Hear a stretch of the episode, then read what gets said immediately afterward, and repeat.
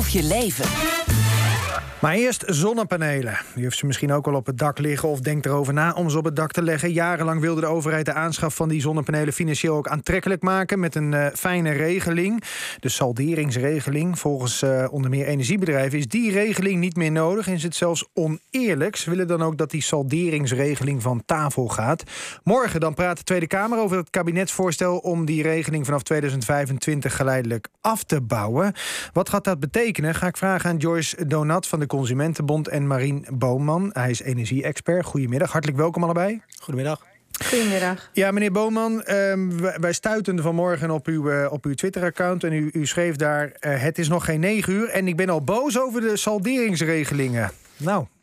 Ja, ik, ik erg me echt kapot aan mensen die die, die regeling nog langer willen, uh, uh, willen rekken. Wat je ziet is dat in 2017 gaf toenmalig minister Kamp... gaf al aan, jongens, dit raakt uit de tijd. Tegen 2023 moeten we wat anders gaan doen. Eventjes voor iedereen die denkt, saldering, hoe zit het ook alweer? Ik heb het wel eens van gehoord.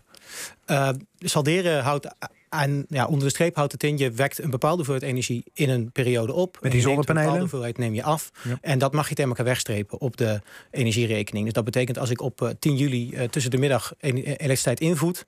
Uh, mag ik dat wegstrepen tegen een kilowattuur die ik afneem ja. op ergens in december. En eens per jaar wordt dat verrekend? Ja, dus de, de, de leverancier past dat gewoon toe in zijn facturering. En wat willen ze nu aan gaan passen? Uh, men wil ervoor zorgen dat je dat uh, uiteindelijk helemaal niet meer tegen elkaar weg mag, mag strepen. En in de uh, overgangsperiode zal er een percentage weggestreept mogen worden van de ingevoerde elektriciteit. Tegen afgenomen elektriciteit. Mm -hmm.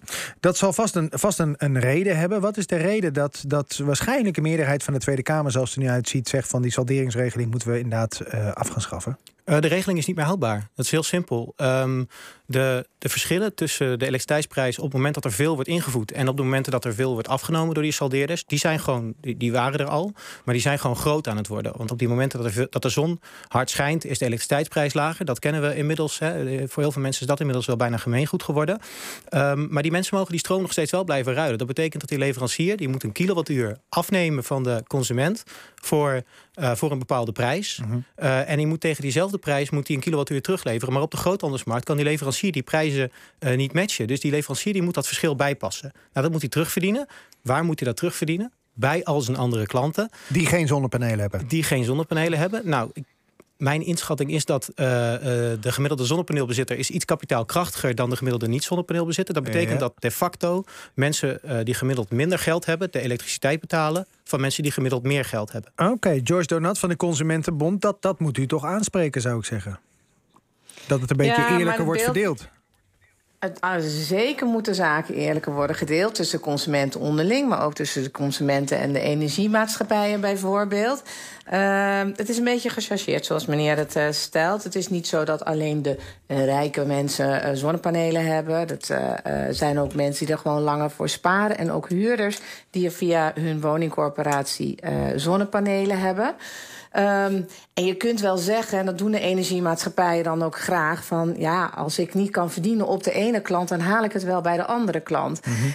Dat is een perverse reactie van de energiemaatschappij. Uh, de energiemaatschappij zal ook met zijn tijd mee moeten gaan... en kan ook bedenken, ik moet op een andere manier mijn geld verdienen.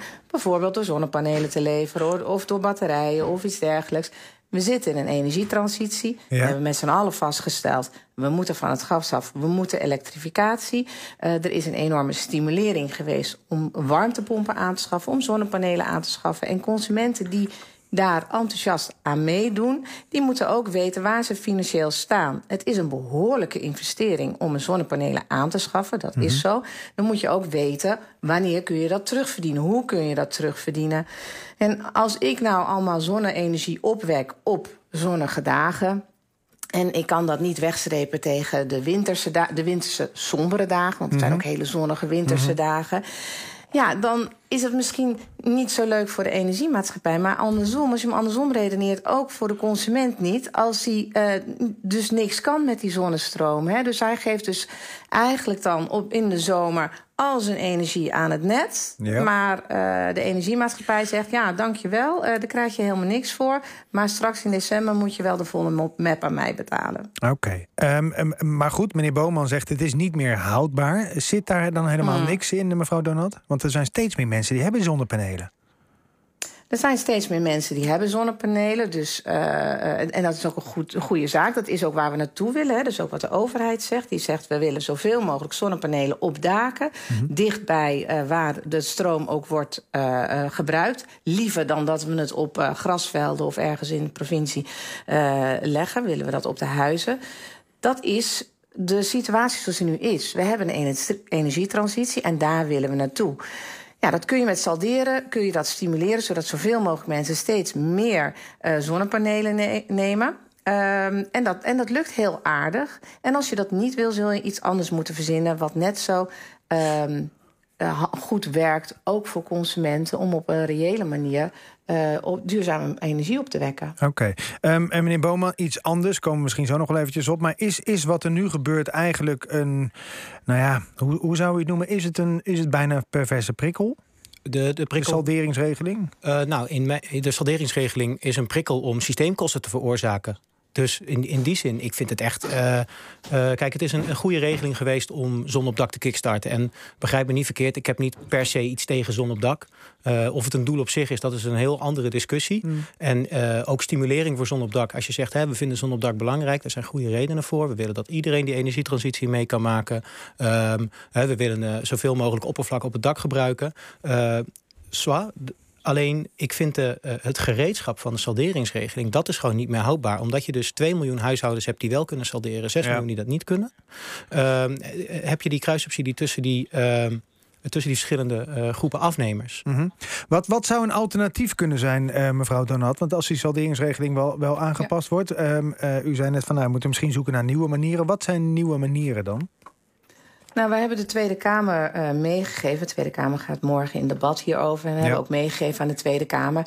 Als je het dan, to dan toch gaat afschaffen, hè, die salderingsregeling... dan moet je zorgen voor een andere goede regeling. En er bestaat eigenlijk al een regeling voor mensen die meer stroom uh, opwekken... dan dat ze zelf gebruiken. En zeker als je dan het uh, op dat moment moet uh, wegstrepen... dan moet er een goede terugleververgoeding zijn. Nou, is er eigenlijk heel lang uh, geleden is er eigenlijk vastgesteld de, de terugleververgoeding. Dus dat is wat de elektriciteitsmaatschappij aan jou betaalt voor de stroom wat jij aan hen ja. levert, aan hen verkoopt. Uh, dat moet minimaal 70% van het kale uh, tarief van kilowattuur zijn. Die uh, regeling van 70% die is nu eigenlijk een beetje verdwenen. In aanloop naar de nieuwe energiewet staat dat niet meer in de regelgeving. Nou heeft gelukkig minister Jette gezegd... Uh, in de volgende energiewet staat minimaal 80% van de kale kilowattuur.